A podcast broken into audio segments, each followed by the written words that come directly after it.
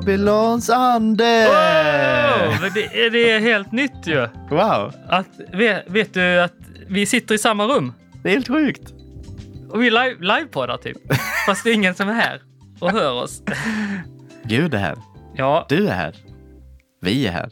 vi är i alla fall ett steg närmare White Man, eh, White Boy with the podcast. Det är vi. Om vi hade spelat in det här, alltså, heter det filmat in det också? Ja, precis. Tur att vi inte gör det. Ja, det är faktiskt bra. Men vi sitter alltså i, i Landskrona båda två. Ja. Du, Kul. Det är jätteroligt. Du sitter i eh, min soffa, Ja. helt omgiven av kläder, tvättade kläder alltså. ja, för det är också här du hänger din tvätt. Ja, Eller ni. ja precis. Ja. Det är Fan, bra ju. den är För du har luftavfuktaren här inne. Ja, precis. Perfekt ju. Dra ur. Skit i det. Eh, Det är väldigt roligt att, att du är här. Där har vi aldrig...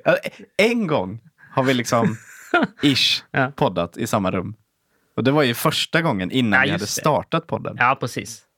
Ja, det är sant. Ja. Det är nästan lite jobbigt att titta på dig så Ja, det, direkt i ögonen. lite, Titta bort lite grann. det är lättare när jag kan sitta och titta på allt mitt annat i mitt rum samtidigt. Precis. Ja. Jag sitter ju alltid och typ chattar med folk och sånt. Nej, Det gör du inte. nej, jag gör faktiskt inte. För Jag du hade så ju sjukt- på ditt sånt gamer-tangentbord. Ja, ja, det ja, klickar så precis. himla högt. Ja, Starkt. mina gröna tangenter som det heter. De låter mest. Mm. Det finns olika färg på hur mycket de låter. Det här är en sån grej jag inte fattar varför det ska klicka. Ja, men det har att göra med känsligheten i... Alltså klickljudet är ju inte, det är inte klickljud för sin egen skull. Nej. Utan det är ju för att mekaniken är annorlunda då. Jaha. Och då är det att har du högt, alltså det höga klickljudet kommer av att du har väldigt lätt känslighet ner och det trycks upp väldigt snabbt.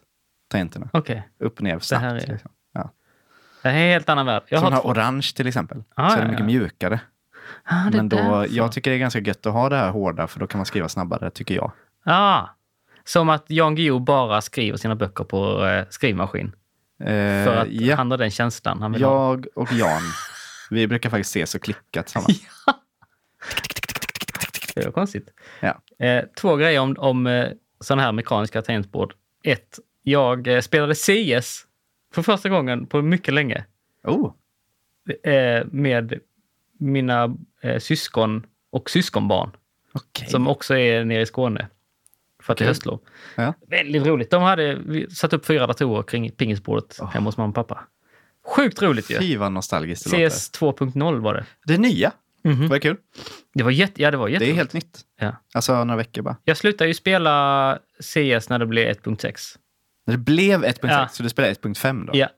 Så 1.6 tyckte jag var lite för... Äh. Det är helt sjukt. 1.5 är så dåligt jämfört med 1.6. Nej, det är inte så var- dåligt. Men det är vissa buggar i 1.5 som var, jag minns, eh, det var inte alls bra. Ja, och man blev helt förvånad när 1.6 kom att det var så bra rökeffekt. Liksom. Nej, eller vänta ja. nu, var det nu att det kom rökgranater till 1.6 kanske? Så kan det vara. Det minns jag faktiskt inte riktigt. Ja, det var någonting med röken där i alla fall. Jag slutade Och- spela när Source kom. Ja, det är också alldeles för sent. Det var dåligt. Men Och det var dåligt på riktigt. De bytte ju hela spelmotorn i det. Just det. Ja, kast. Ja. Sen den andra spaningen kring mekaniska tangentbord är att varför står det ett mekaniskt tangentbord i kyrksalen i Livsglädje Landskrona? Det är en bra För fråga. att det klickar så himla mycket så man vågar ju inte skriva under gudstjänsten om man skulle behöva. Man skulle behövt ett sånt Apple Butterfly tangentbord som är helt tyst så. Ja, precis. Ja. Ja. Jag kanske ska byta ut tangentbordet någon Gör gång. det. Det är ingen som märker ändå. Babylons ande! Ha, Kul att vara här. Ja, Tack för att jag fick komma hit. ja, kul. Gästa din studio. Det känns lite som att du är gäst. Men Ja. det är du inte. Du Nej. är ju faktiskt en... Jag har ju varit här lika mycket som du har. Ja, faktiskt. Du har ju byggt här inne. Ja. Har du inte? Uh, nja. Jag har varit med och satt upp takbjälkarna här. Just det. Ja, det har du. Var inte du här när vi la mattarna in också? Mm, nej. Nej, det var det inte. Nej, det gjorde jag själv. Ja, i alla fall. Vi ska fortsätta vår eh, dekonstruktionsrunda. Med hjälp av eh, våra vänner Rhett och Klink. Ja. Det känns väldigt kul, Ja, tycker jag. jag. Jag ska också säga att jag, jag är väldigt så här. Jag har ju lyssnat på en drös avsnitt här nu just det. med dem. Och ganska kul är ju att vi är ju väldigt sena på bollen att diskutera Rhett och Links Ja. andliga resa. Just det. Det finns ju massor med podcasts som har gjort det här. Är det så? Alltså, för dem, om man lyssnar liksom vidare lite på deras... Vi kommer ju till det lite hur de har lagt upp det här då, Mm. men eh, då berättar de ju att det är jättemycket folk som har liksom responderat och ganska mycket som vi kanske kommer in på lite så här. Det är ganska mycket respons, ganska tråkig respons. Alltså negativ. Alltså både negativ men också... Eller bara dålig.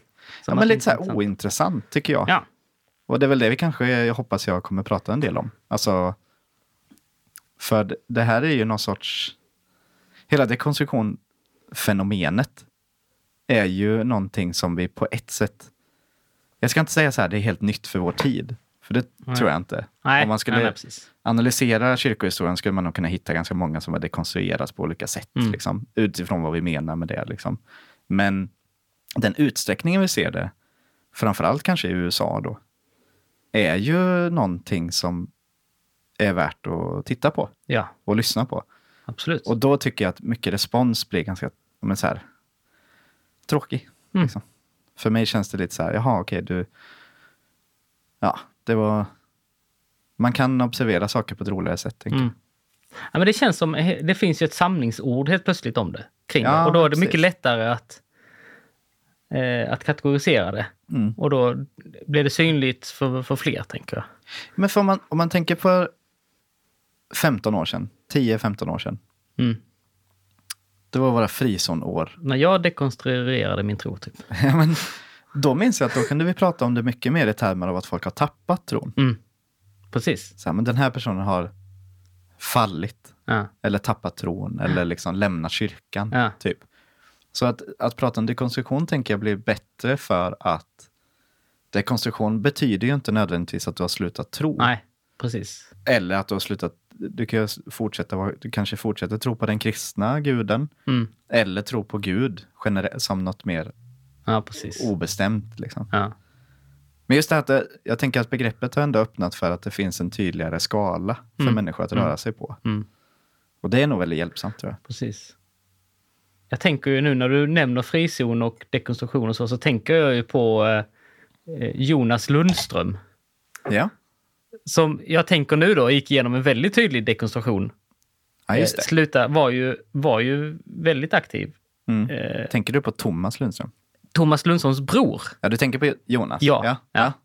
ja. eh, s- som ju slutar kalla sig kristen och så. Och, det, Mm. och, och nu vet jag ju inte, känner ju inte till han, hela hans resa, men han var ju väldigt så, ändå en person som var aktiv Mm. inom kristna kretsar, skrev sin blogg Mm. och sen så lämnade Mm. kristendomen liksom. Ja. Eller ville inte kalla sig kristen längre i alla fall. Och så. Så- Och jag, jag vet väldigt lite om det egentligen, men, men, Mm. men eh, det är nog ett bra exempel på vad som skedde redan då. Ja, precis. Så det har ju skett Ja, i, ja, ja. över längre tid. Liksom. Eh, Men nu börjar vi ju kunna, och det är väl därför det är också roligt att prata om det nu. Jag tycker ju oftast att det är skönare att prata om saker när det har gått lite tid. Mm, När det händer grejer så det är gött att stanna upp och vänta. mm, För att eh, det är lätt att vara för drastisk liksom, med precis. vad man säger om sin analys. Mm, Eller så. mm, Nu har det ändå gått ganska mycket tid av det här dekonstruktionssnacket. precis. Liksom. Ja, verkligen. Jag minns ju när jag stötte på begreppet dekonstruktion första gången. Nej, så här ska jag säga.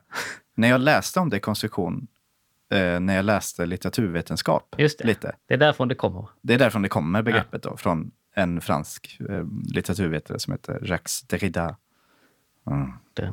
Mm. Man måste säga det så. Ja. Nej. Men, eh, eh, och jag minns att när jag läste om det i hans, eh, från hans liksom värld, att jag tänkte att det här är ju inte det som folk eh, sysslar med. Typ. Nej. Alltså det påminner ju om det och finns absolut överlapp som är tydligt och jag fattar varför man kallar det typ, men det är ju inte riktigt det han pratar om. Typ Nej. så. Nej. Eh, och det kan man ju också diskutera om man vill, men det tror jag vi har gjort också. Jag Ja. har rantat lite om det. ja, det har vi. Men, eh, och det är, inte nöd- det är också en sån där ganska tråkig respons egentligen. Mm, just det. Ja, men har för att det är så här. Just det. Det, det hjälper ju inte någon att eh, gå in och prata om det på det sättet. Så Nej. det gör vi inte det. Nej, Utan, nej, det är inte det. Eh, men det var ju 2016 tror jag. Mm. Typ. Och då var jag ju redan bekant med hur folk eh, i kyrkan eller utanför kyrkan pratade om det utifrån sin resa. Liksom, Mm. Som en dekonstruktion. Och sen lär, läste om det där. Liksom, och, Ja. så det har ändå funnits ganska länge som begrepp också. Ja, det har det verkligen. Eh, och det är ju...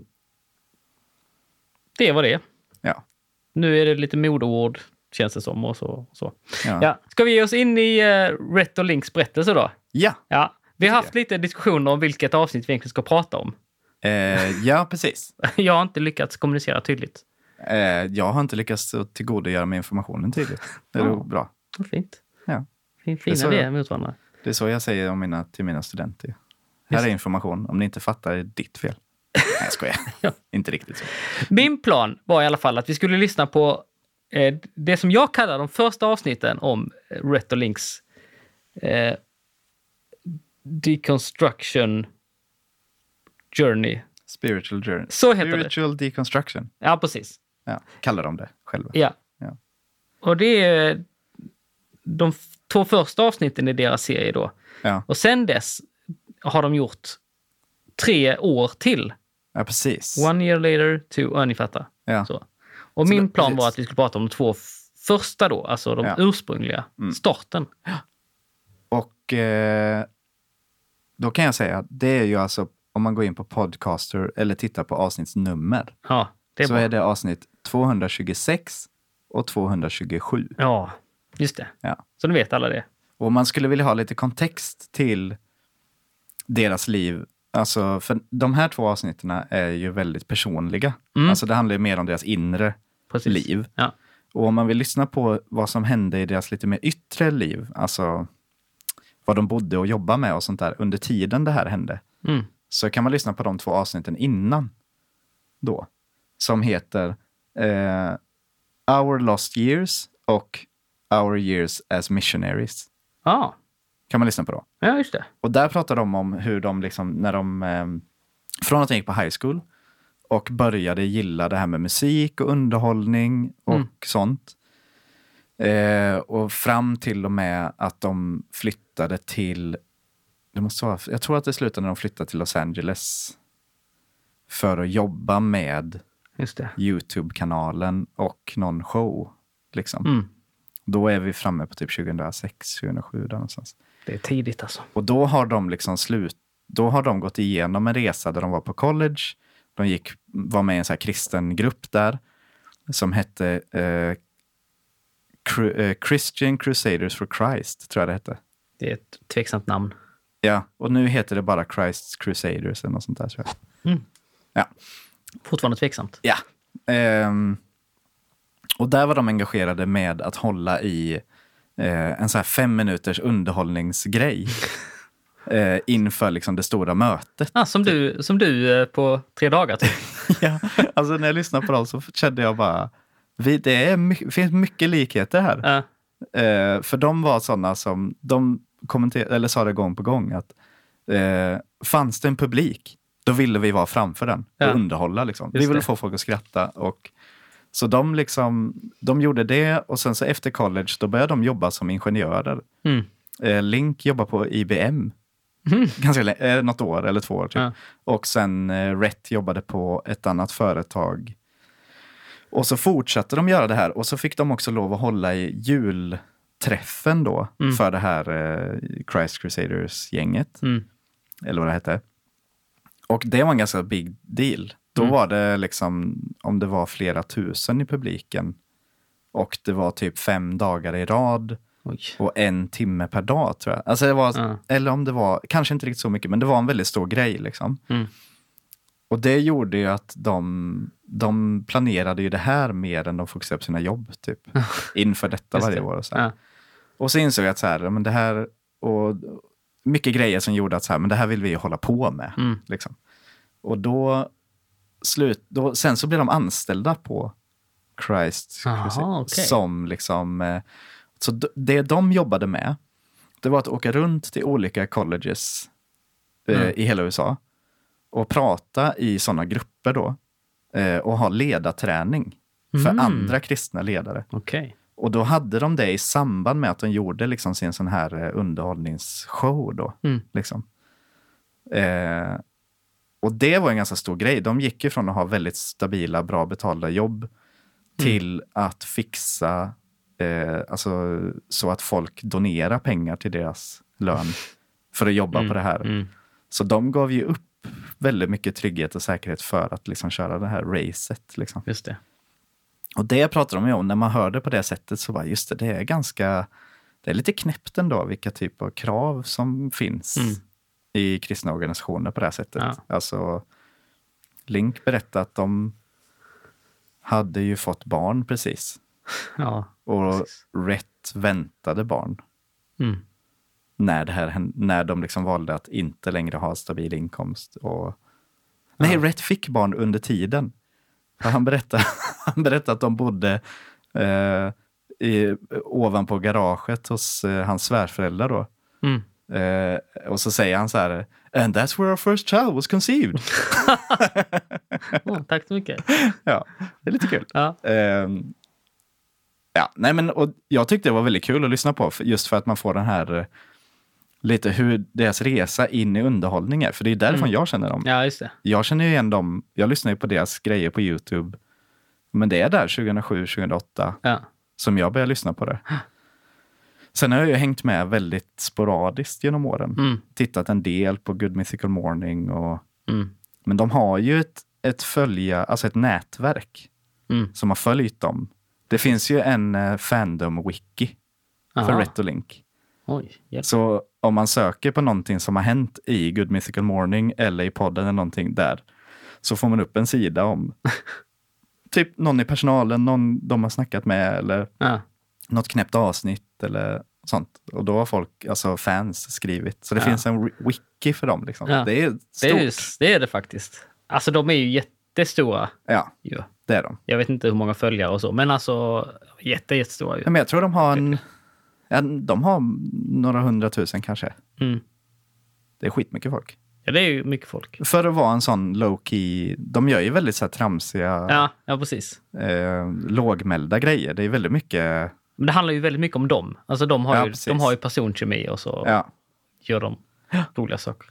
Och, och det påminner ju mycket om såna här grejer som vi gjort på läger. Liksom. Ja, precis. Dumma sketcher och trams. Liksom. Äta konstiga saker och så. Ja. Ja, ja men det är, väl- och det är väl lite det därför jag fastnar för att lyssna på dem också. För att de är så... De berättar så ärligt om sin Mm. resa. Liksom. Och, och jag har aldrig... Det är inte så ofta man får höra sådana här berättelser om eh, hur tron förändras Nej. på ett så ärligt sätt som de Precis. gör det. Eh, alltså inte ens från eh, de som är nära. Nej. Och ännu mer intressant tycker jag är att de pratar inte om det som att det varit något någon stor händelse, som, alltså en avgörande händelse. Nej. Utan för båda har det ju varit en lång tid av reflektion, funderingar, utmaningar som har mynnat ut i någonting. Mm. Det är ju som sagt väldigt mycket material Ja. att lyssna och försöka sammanfatta. Jag har försökt göra någon slags sammanfattning då och, och man får ändå säga att deras, båda deras resor är ganska lika. Ja. Alltså Rhett på något sätt initierar den här resan och börjar läsa och ta itu med vad han tror på och vad han inte tror på. Och, och, som, och då hänger ju Link med för att de är goda vänner. Mm. Så att jag tänker att lyssnar man på ena så förstår man ganska mycket av det andra. Mm. Även om de har lite olika, såklart. Mm. ja, men det är väl lite som att Rhett är lite mer eh, så här, den, den intellektuella sidan av det. Mm. Alltså logik, resonemang. Typ. Ja, precis. Och Rhett är lite mer det känslomässiga. Link är lite mer känslomässig. Link menar jag. Ja. Lite mer känslomässig. Ja. Och jag tycker också en väldigt intressant grej, för de två aspekterna sammanfattar ganska mycket av, den, av att vara troende. Mm. Alltså att det behövs båda dem ofta Mm. för att kunna hålla ihop en tro. Så behöver man någonstans kunna reflektera ja, men intellektuellt. Men det, du behöver också kunna känna saker Ja. som inte är liksom, logiska. Mm. Precis. Eh, så jag, jag uppskattade den sidan av att man fick lite de här två Mm. ben av tron. Ja, ja men precis. Och, jag vill bara starta med att, alltså var de kommer ifrån då. Mm. Att de är från South Carolina. North Carolina? North Carolina? Någon av Carolinerna. I alla fall. Ja. Eh, Bibelbältet i USA ju. Precis. Där, eh, där kristendom är liksom in, man får det med modersmjölken. Mm. Eh, och det är inget konstigt att, det är väl mer konstigt att inte vara kristen där, Mm. föreställer jag mig. Mm. Eh, och de eh, växer ju upp i en, evangelikal kyrka och säger ju att redan vid 6 och 10 års åldern så tar de sina beslut om att... Mm. Och de beskriver kyrkan som... Eh, de är inne och nosar på begreppet legalism. Liksom. Att Ja, det, det finns det där. Men jag tänker att allt som vi tänker om evangelisk, eh, evangelikansk, amerikansk söderkyrka finns. Mm. Alltså, de pratar om purity, kulturen, Renhetskultur. renhetskultur. Vi använder svenska begrepp, det är bra. Eh, att mycket av det här med att förneka vetenskap, Mm. alltså Mm. Evolution, Mm. eh, hur gammal jorden är och, och sådana Mm. saker. Ett väldigt tydligt, eh, vad ska jag säga, nästan världsfrånvänt sätt som, som, eh, som finns. Mm. Ja, Jag skulle säga att det är världsfrånvänd eh, religiositet. Liksom. Ja. Alltså, det är ju sekteristiskt, skulle jag säga. Ja, det är det. Och då, men, då menar jag inte det som så här, Åh, dåligt sekteristiskt, utan Nej. bara... Det finns ju en liksom... Att vara sekterisk är ju någonting du kan vara. Mm. Eh, och sen kan du själv få eh, avgöra om det är dåligt eller inte. Ja. Jag tycker oftast det är dåligt. Ja. Men, men just det här att man får vara lite öppen för att eh, bara för att någonting är sekteriskt så måste man inte bara säga att alla människor är skit. Nej. Så, det det det handlar jag inte säga. alltid om dåligt ledarskap. Nej, Eh, eller osunt ledarskap. det handlar om toppstyrt. Ja, Alltså att du har en pastor som bestämmer över församlingen. precis. Det handlar ju om toppstyrda familjer. Alltså Ja. mannen är ju den som bestämmer i familjen. Exakt. Eh, det handlar om renhetskultur. Och legalism är ju en uppenbar... Mm. De säger det någon gång i något av avsnitten att om du jämför med andra kristna så är vi ju legalister, Ja, säger de. Ja, Eller så här. Men precis. vi uppfattar inte oss som legalister Nej, när nej. vi levde i det. Typ så. Ja, Men eh, ja, precis. Och, och, jag, och, och jag tänker att det är viktigt, det är avgörande för deras berättelse var de kommer ifrån. mm, Att när, för Rhett börjar ju liksom ifrågasätta vetenskapen kring Bibeln, alltså Mm. Bibelns trovärdighet utifrån ett vetenskapligt perspektiv. Har verkligen, var Adam och Eva verkligen de första människorna? Eh, Mm. Var Noas ark och, och floden, var det, har det verkligen hänt? mm, Och man kommer från ett ställe där liksom det är så tydligt att det där tror vi inte på. Vi tror på Bibeln och vi tror på Bibeln endast. mm, Så då har man ju en ingång till vetenskapen som, eh, som, som då för mig är lite problematisk. ja, precis. Och han pratar ju om hur hans, vad ska man säga, den, den dörren som öppnas till att börja vara skeptisk Mm. mot sin egna är ju för att han läser en kristen bok. Just det. Den här läkaren Ja, som är, det var, hette väl någon sån här Why I Believe eller något sånt där. precis. Som är en, alltså en varmt kristen läkare. Eller, ja, Mm. som då i sin bok börjar med att fastslå att evolutionen är sann. Ja, Och att det för honom var helt sjukt att en kristen kan säga det typ. Men Mm. att det, lock, det lockade honom att gräva vidare. Liksom. Ja. Att så här, här är någon som är intellektuell som, och troende mm. och som säger att det jag har kämpat mot, alltså Mm. evolutionsteorilärare, de, det är liksom... Han säger att det är sant. ja. Det tänker jag är en så här väldigt spännande, liksom, eh, om man tänker sig någon så här linjär tidslinje, Mm.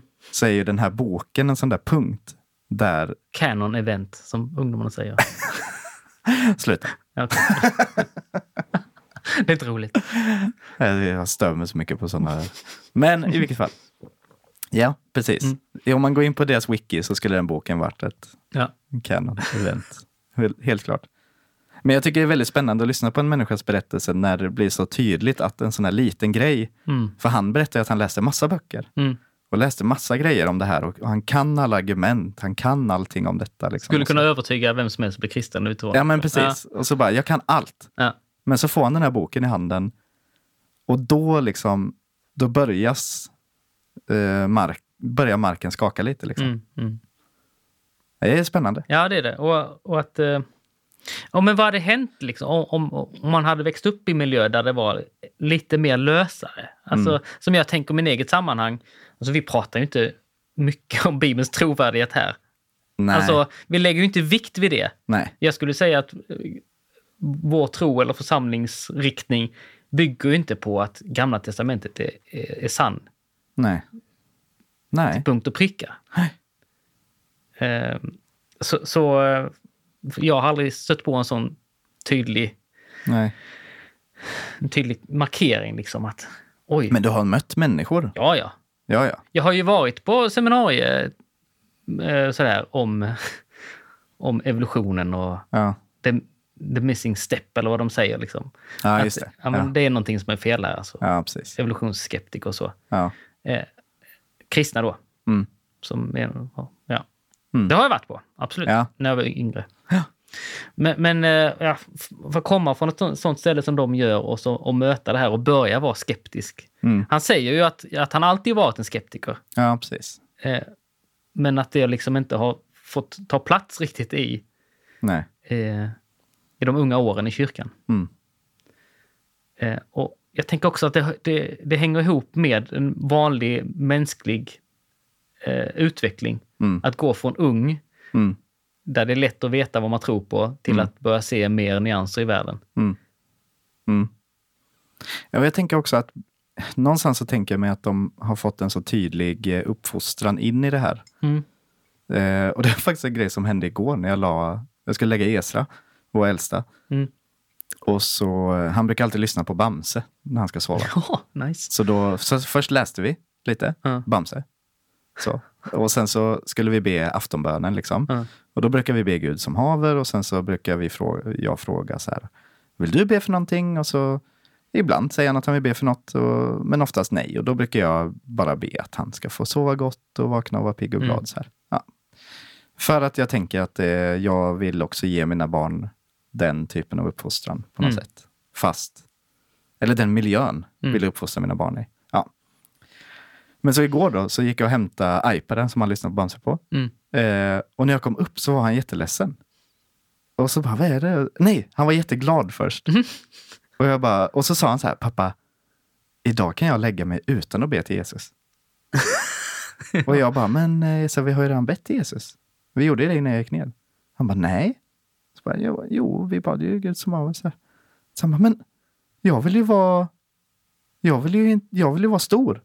Jag vill kunna lägga mig utan att be till Jesus, för det gör min kusin. Ja. Och jag bara, aha.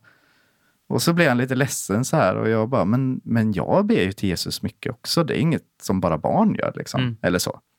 Och så men då, då, så var, då blev han jätteledsen för att vi hade bett till Jesus. Mm. Och då kände jag så här, här är ju någon sorts ögonblick där jag kan välja att antingen så här, fast vår familj, vi ber till Jesus. Ja. Liksom. Eh, men så gjorde jag inte det, utan sa så här, men du, om du inte vill be till Jesus, då gör vi inte det. Det är helt okej. Och så sa jag, vi kan... Eh, så tänkte jag, hur gör jag pedagogiskt nu? Så sa jag till honom, vet du vad, vi ber till Jesus att han ska ta tillbaka vår bön. Så jag. Och jag så bara, ja, det gör vi. Så bara, Jesus, vi ber, nu ber vi att du inte ska ha hört vår bön innan.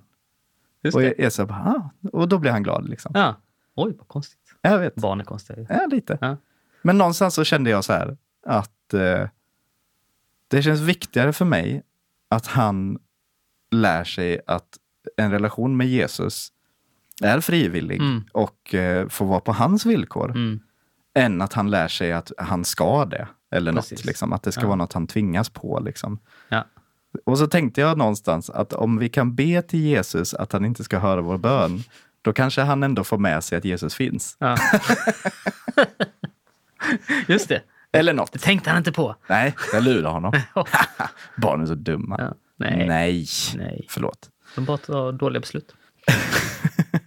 ja, och det är väl det som saknas liksom. Att, Ja, men jag tänker lite det sådär att de, ändå, de har liksom inte fått den möjligheten Nej. att välja bort precis. Gud eller Nej. religion. Liksom. Och, Eller tänka fritt Så. kring den. eller tänka också. fritt. Ja. Ja. Och där finns ju där kan man ju verkligen gå in på och prata om uppfostran och barn och, och församling och sånt där. Och det tänker jag kanske inte vi måste. Men Ja.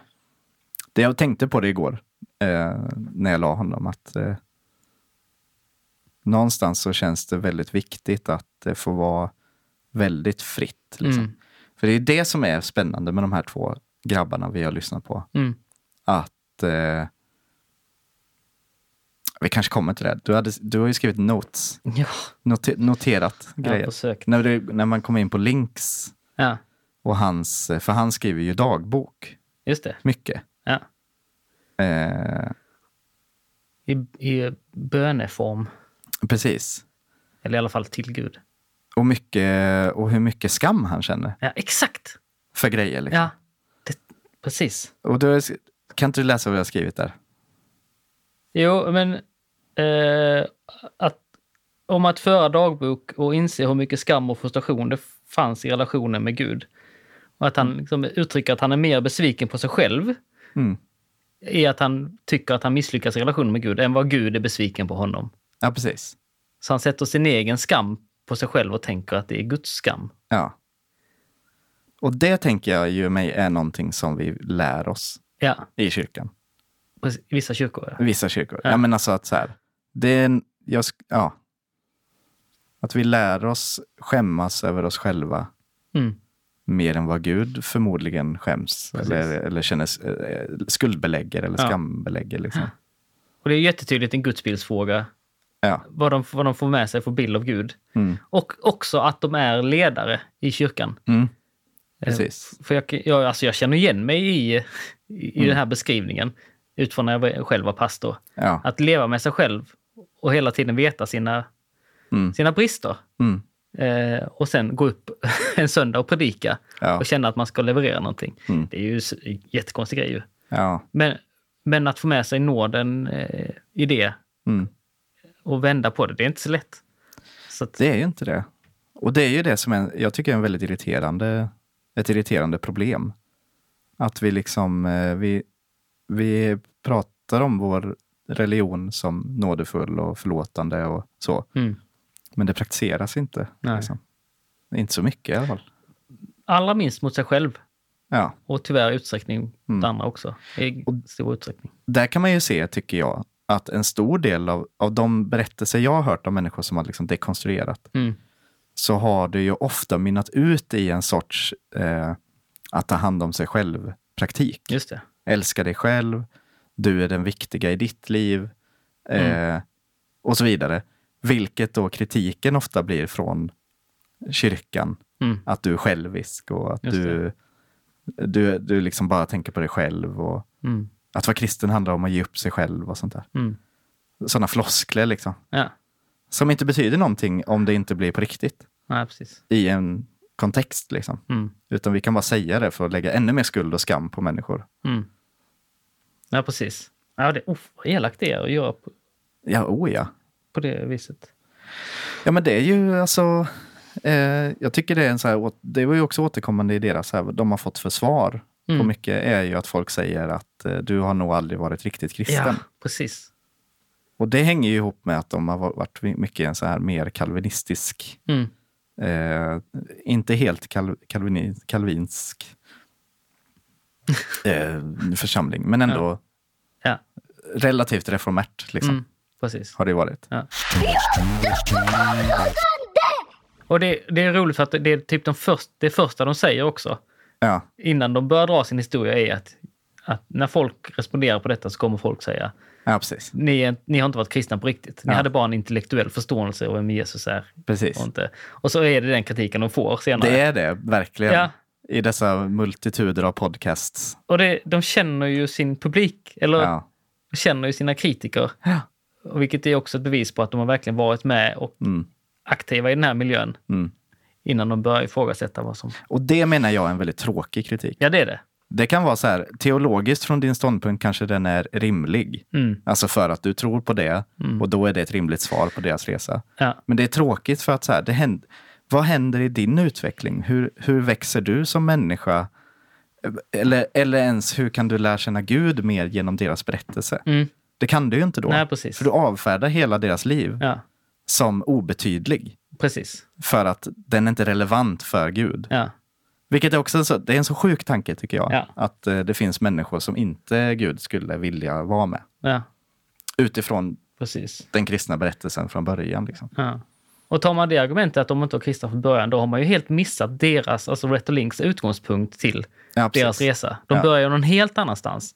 De börjar inte i relationen till Nej. Jesus, huruvida den är sann eller inte, utan de börjar ju i, i mer, vad säger Bibeln och hur funkar det med världsbilden i övrigt, liksom, utanför vår kyrka. Mm.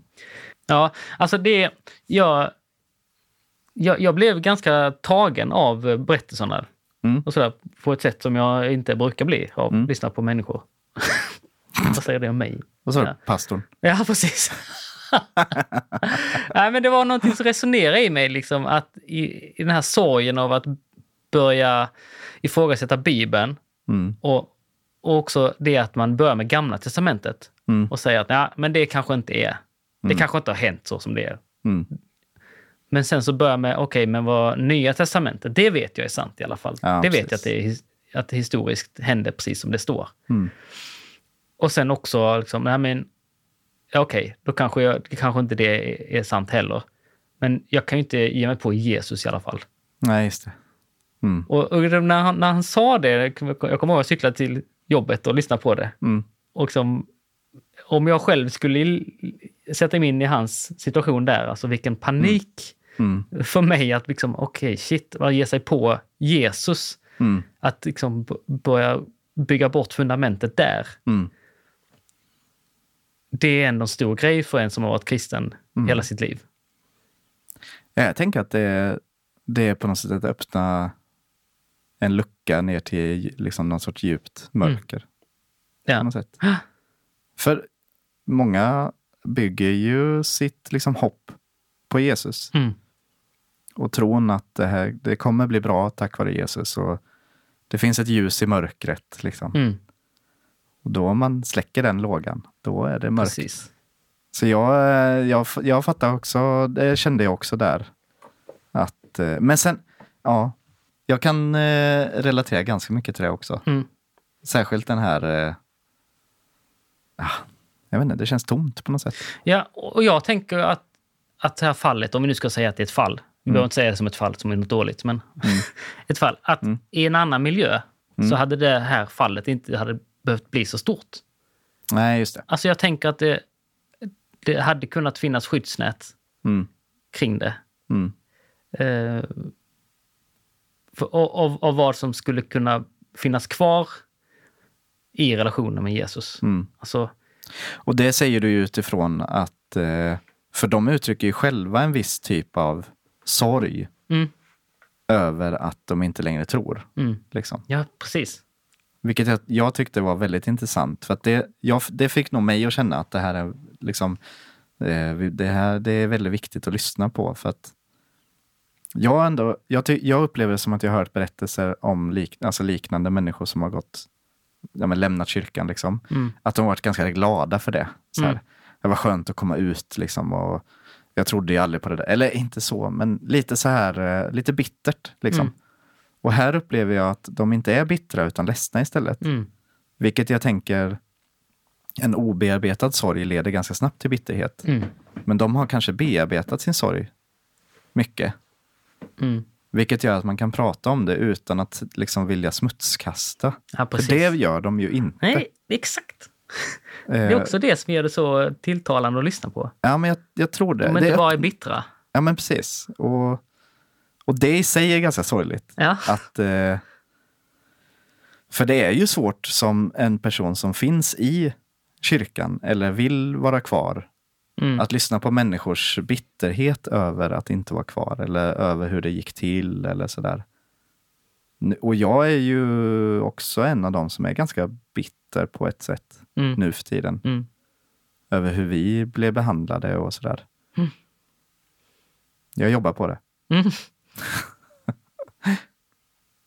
Du pratar ju om det här i podden ju. Ja, det gör jag. Jag är ju din terapeut. Ja, och jag pratar också med en terapeut om det. Ja, det är bra. Det är inte det är inte bara en professionell. Ja. Aha, ursäkta.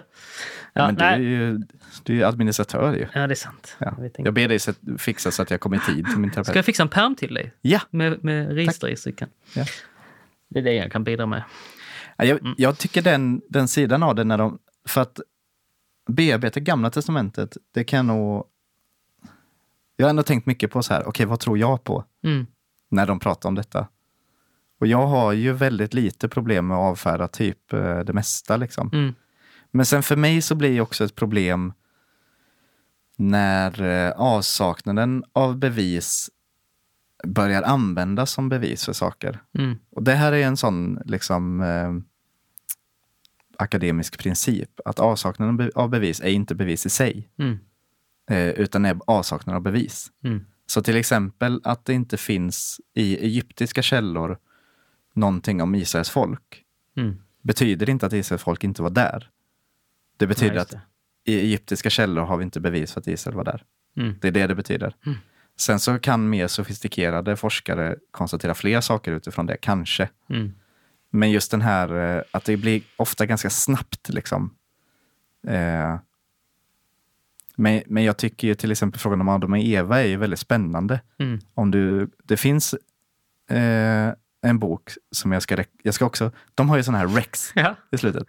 Jag ska också rekommendera en bok Åh. ja, som handlar om evolution och teologi. Mm. Eh, som är en bok om evolution som är skriven av teologer utifrån att evolutionen är sann. Mm. Men vad händer då med konceptet Adam och Eva och synd framför allt? Mm. Eh, och vad gör vi med det? Och eh, väldigt bra bok för den som vill kanske ta de här frågorna lite mer seriöst. Mm. Alltså, ja, evolutionen stämmer så som vi kan observera den. liksom. Mm. Men vi kan också säga att berättelsen om Adam och Eva stämmer utifrån vad vi kan observera. För det den berättar om är att människan är fallen. Mm. Det är inte så svårt att konstatera att människan är moraliskt tvivelaktig. Nej. Så, Det- vi har två berättelser om den här världen som vi skulle kunna säga stämmer. De går inte ihop utifrån hur vi traditionellt läser dem. Nej. Så hur ska vi förstå det här? Mm. Typ. Väldigt bra bok tycker Mm. jag. Eh, så det jag ska ta fram titeln till slutet så ska jag tipsa om den. Ja. Det var En rec. Ja. Nej, Jag tycker det, det är svårt att... Eh, man vill inte gärna benämna sig som kreationist. Nej, Men eh, jag tänker att eh, håll inte för munnen när du pratar nu Emanuel. jag måste... Jag, vågar, jag vet inte vad jag vågar säga. Nej, men jag... Hur jag, gammal är jorden Emanuel? Hur gammal är jag, jorden? eh, eh, Jag vet inte. Jag jag, ärligt talat, jag kan inte säga vad vetenskapen säger hur gammal den är. Nej. Så att, 6,4 miljarder okej. tror jag. Miljarder? Billions. Det är jättemycket. Ja men det är ju det jag säger ju. Den är gammal som gatan. Vad finns det mer att säga om detta har jag sagt ett par gånger nu. En sak jag tänk, tänker på Ja. är att de diskuterar ganska mycket om vad som, eller de nämner i alla fall, vad, vad, vad händer om vi plockar bort Bibeln då? Ja, men då finns det typ, det finns gemenskap, sammanhållning, eh, det finns en, eh, ett syfte. Mm. Alltså det finns fortfarande. Mm. Ja. Eh, Och, och det har jag också, jag har funderat på det, att om vi skulle plocka bort Bibeln, vad skulle mitt sammanhang, skulle det fortfarande ge mening? Mm. Eh, och det är svårt att säga eh, utan Ja. att stå i det, men jag tänker att det är också en viktig grej att gemenskap, eh, alltså kyrklig gemenskap är något speciellt, tänker jag. Så Ja. Det är en, man hittar det inte i så många andra sammanhang. Där, där folk över generationer och, och etnicitet möts liksom på det Mm. viset. ja. Det finns fotbollsklubbar och supporterklubbar, men det... Mm. De är också förpestade med köp rabatthäftet. Precis. Sälj bingolotter. Ja, Lotter. precis. Vilket i sig är inte en dålig grej. Nej, men de behöver ju det. jag har precis börjat få smaka på det här. Just det. Och det, jag är redan trött på det. Ja. Ja, Ja. Nej, men det, det är någonting, alltså kyrkan är någonting, det finns något, någonting i gemenskapen när man samlas kring tron Mm. som kanske går bortom Mm. det vi tänker. Mm. Eller kan tänka. Men jag tänker att här, om jag skulle rikta någon kritik mot deras berättelser Mm. så är... du. Vad sa du? Jag gör det, gärna. Ja, eller kritik ska jag inte säga, men någon, en grej som jag uppfattade som det här saknas kontinuerligt genom hela deras berättelse vad jag har lyssnat på, saknas det här. Och egentligen kanske det börjar finnas när de lämnar Mm. sin tro. Och det är det som vi kan kalla för mysticism, typ. Just det. Precis. Som jag skulle säga är, hela den kristna historien är rik på. Mm.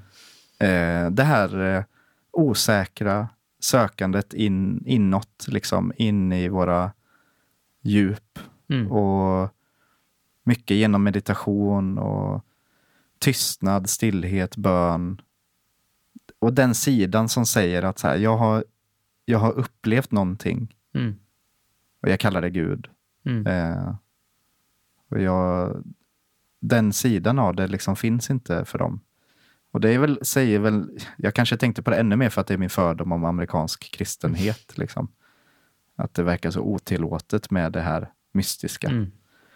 Och där tänker jag ju att vi, både som svensk men framförallt kanske du och jag, har ju mött det mycket mer. Mm. Eh, Förmodligen än vad de har gjort. I alla fall mycket mer på ett öppet och tillåtande sätt. Liksom. Jag tänker typ på de här gudstjänsterna på Frison i magasinet som var mer, Just det. de innehöll den mystiska aspekten mer. Liksom. Nattvarden spelade större roll och firades på ett lite mer speciellt sätt. Och, så här. och sen framförallt, liksom hela Svenska kyrkans tradition har ju det i sig mer. Mm. Eh, också som folkkyrka. Mm. Att det liksom kan räcka som svensk att gå på nattvard en gång om året Mm. för att rena dig från din synd. Just det. Liksom. Du vet så här. Mm. Ja. Ehm, och det tänker jag saknas ganska mycket Mm. I deras... Och, men jag, jag, jag, blir hela, jag frestas hela tiden att komma tillbaka till den här men om det hade varit så här, då hade de fortfarande, varit kristna. Ja, just det. Att lösa deras problem. Precis, men jag vill inte säga det egentligen. Alltså jag känner, det är någonting i mig som jag tänker också är så här uppfostrat kristen. Ja, ja Att- precis. om, om du bara, då kanske du kan räddas. Ja. Eh, och jag tänker att där måste vi träna oss på att inte titta på dem som förlorade. Mm. Som jag sa förra veckan. Ja. Ja. Ja, men jag, jag känner det också. När man lyssnar Ja. på dem så bara, men om du bara, om du bara hade varit med i min församling, då hade vi ju du nog kunnat vara Mm. kristen. Typ. Mm. Alltså den här, det är ju så, det är så arrogant. Ja, det, ja, precis. Det är en övertro på vår egen församling. Ja, och vår egen liksom så intellektuella... Och jag tänker att det är också en övertro på att vi förstår deras Mm. berättelser. Mm. Att jag säger, om du bara hade... Då, jag, jag tänker att jag inte har förstått då. Jag har inte lyssnat. Mm. Liksom. Tänker jag. Nej, ja, precis. Det, så jag, när jag lyssnar på de här så försöker jag träna mig på att inte lösa deras som om det är ett problem. Mm. Utan lyssna på det som en resa Mm. som de gör. Mm. Eh, för de tar upp det här också i... Det här tar de upp i sina tidigare avsnitt, de här Lost Years och Our Years as Missionaries. Jag tror det är där de nämner det här att om du verkligen tror Mm. att du kommer till helvetet eh, om du inte tror. Alltså om det är din just övertygelse, Mm. att människor som inte är kristna, de kommer till helvetet. Hur kan du inte missionera Mm. då? Och det, där tänker, det är en ganska farlig tanke Mm. eh, som jag förstår att de reagerar mot. Liksom. Mm. Så jag, jag tänker att vi som eh, kallar oss kristna och finns i församlingar behöver bli bättre på att lyssna på de här människorna Mm.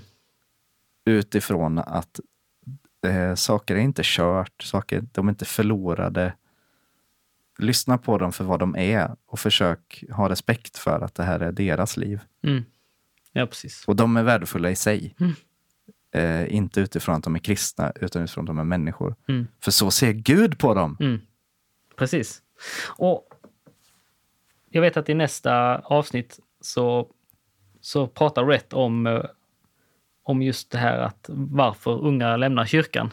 Ja, Eh, som, är ett, som, är som är en jättebra grej som alla borde lyssna på. Mm. Jag ska lyssna på det en gång till så, jag ska också så ska jag ta reda på om alla måste lyssna på det eller inte. Eh, men ehm, eh, som du säger, jag, jag ser det också mer som ett lärande för oss själva. Alltså Mm. att vi behöver som, som troende spegla oss själva i deras berättelse. Mm. Eh, det här är inte, ja, som du säger, vi behöver inte rädda dem. Nej. Det där, det där får Gud fixa om han, Ja. om han nu gör det. Eller hur det blir. Eh, men att lyssna in andras berättelser Mm. om det vi står i Mm. är så viktigt för oss själva. Mm. Eh, och, och göra det som du säger utifrån ett perspektiv att vi inte ska rädda. Utan okej, men vad säger detta om oss? Och jag tänker att det här, för människor som går igenom detta så är det nog väldigt provocerande att vi ens säger det. Mm. För att från deras perspektiv så är det så här, det är det här vi vill. Ja. Varför har ni inte fattat detta tidigare? Mm. Men så jag är, ja, jag är ledsen till alla er där ute som jag inte har förstått. Mm. Och jag ska lära mig. Precis.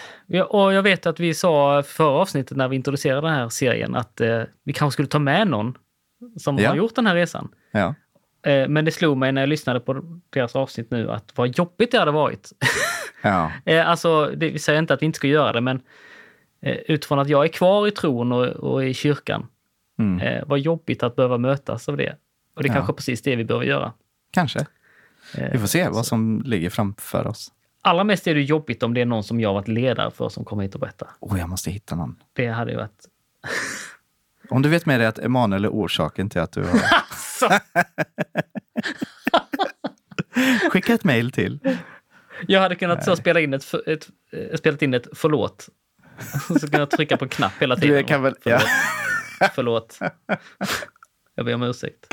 Jag tänkte precis säga, du kan väl ändå... Människor förtjänar väl ändå ett uppriktigt förlåt, eller inte ditt inspelade... Ja, men det, Jag trodde du skulle göra liksom en, en reel där du ber, Ja. läser ett sånt statement. ja, men alltså det behövs säkert. Ja. Sitter och skojar om det, men Ja. jag har varit en mycket tveksam ledare många gånger. Det kan jag vittna. Ja. Men du sitter här ju, så att Ja, du överlevde ju. en viss procent av överlevt. Eh, allra sist. Eh, Rhett säger att kristendomen är som en båt. Mm. Den är stabil Mm. och det finns många människor i den. Och det är någonting att luta sig mot och hålla fast i när det stormar. Mm. Den ger stabilitet, mening, riktning och gemenskap. Mm. Och han kastar sig ur båten. Mm. Alltid lämnar han för att någonting har dragits bort från hans tro. Mm. Vilket öde va? Ja, Vi slutar där. Och ska vi så... inte prata om det? Nej. Nej. Vi ska prata om det nästa gång. Ja, det är faktiskt bra.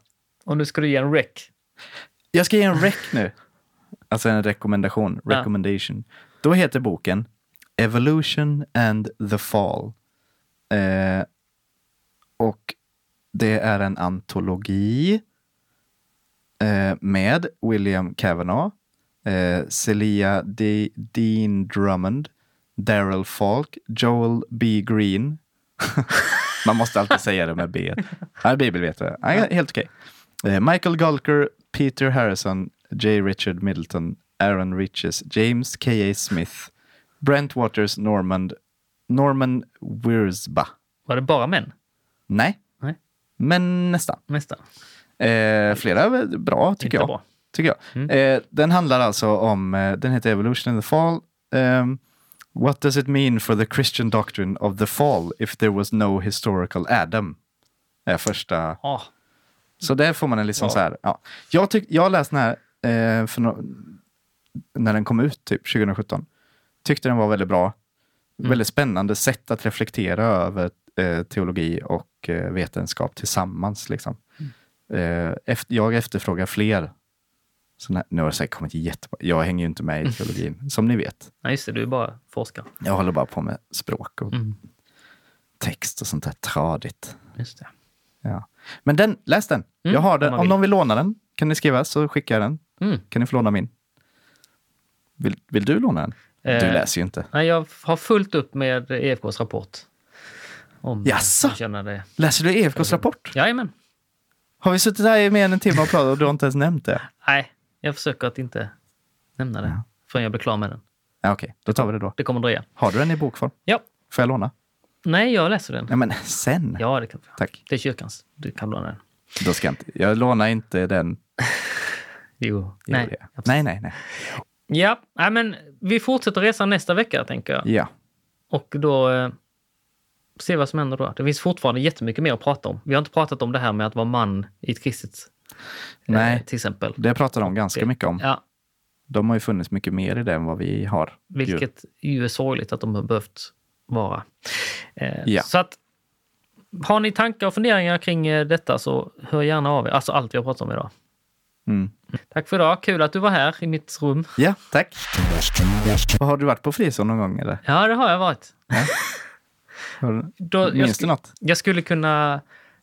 Vi pratade om gudstjänsterna i, i eh, magasinet. Ja. En gång predikade ju Max Wetterlund. Oh, Ja, trevligt. det gjorde han. Det var väldigt bra. Men då avslutade han sin predikan med det här bibelordet. Eh, inte alla som kallar mig herre ska få möta mig i himmelriket. Ungefär upparafraserad. Ja, eller hur? Eh, det var hans sista mening. Och satte sig. Damn. Ja, exakt. Snacka om, eh, om Max, cliffhanger. Max har många sådana. Jag minns också på Frizon när han satt i världens tält och pratade om, han jobbade ju på Hemlösas hus heter Just det, va? i Malmö. Ja. Med, Och Ria i Helsingborg har han också varit på. Just det. För länge sedan. Mm. Och då sa han en gång, det här var kanske inte det sista han sa, men han sa det under sitt snack, liksom, att eh, du, du har aldrig sett Jesus förrän du har stirrat en hora i ögonen. Eller något sånt där. han. Ja. Just det. Och jag, 16 år, bara Vem är jag? Ja. Kände jag då. Ja. Nej, men han har bra. Mycket Ja. bra. ja, det var det. Mm. det jag, jag minns det. Det var ju... Mm.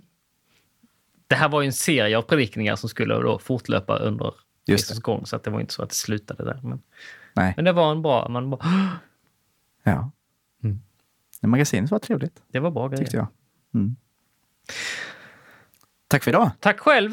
Vi hörs om två veckor. Ja, Lyssna på avsnitten. Vi lägger ut dem så att ni kan lyssna på rätt avsnitt om ni vill. ja precis. Mm. Vi lägger ut dem igen i samband med att det här kommer ut. Det gör vi.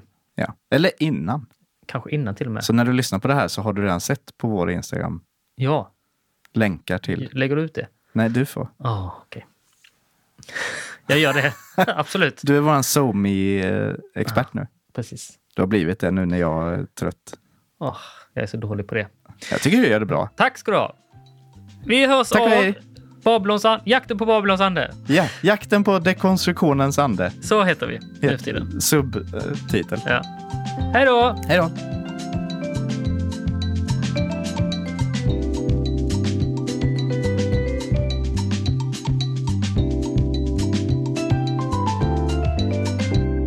Ja, hej. Det här var Emanuel från framtiden. Jag tänkte bara berätta för er att nästa vecka kommer vi att prata om Retolinks eh, uppföljningsavsnitt om sin spiritual deconstruction. One year later. Och det är alltså avsnitt 275 och 276 för er som lyssnar på poddar. Lyssna på de poddarna så har ni mer på fötterna när vi pratar om det sen nästa vecka. Tack för att ni lyssnade. Ha det fint!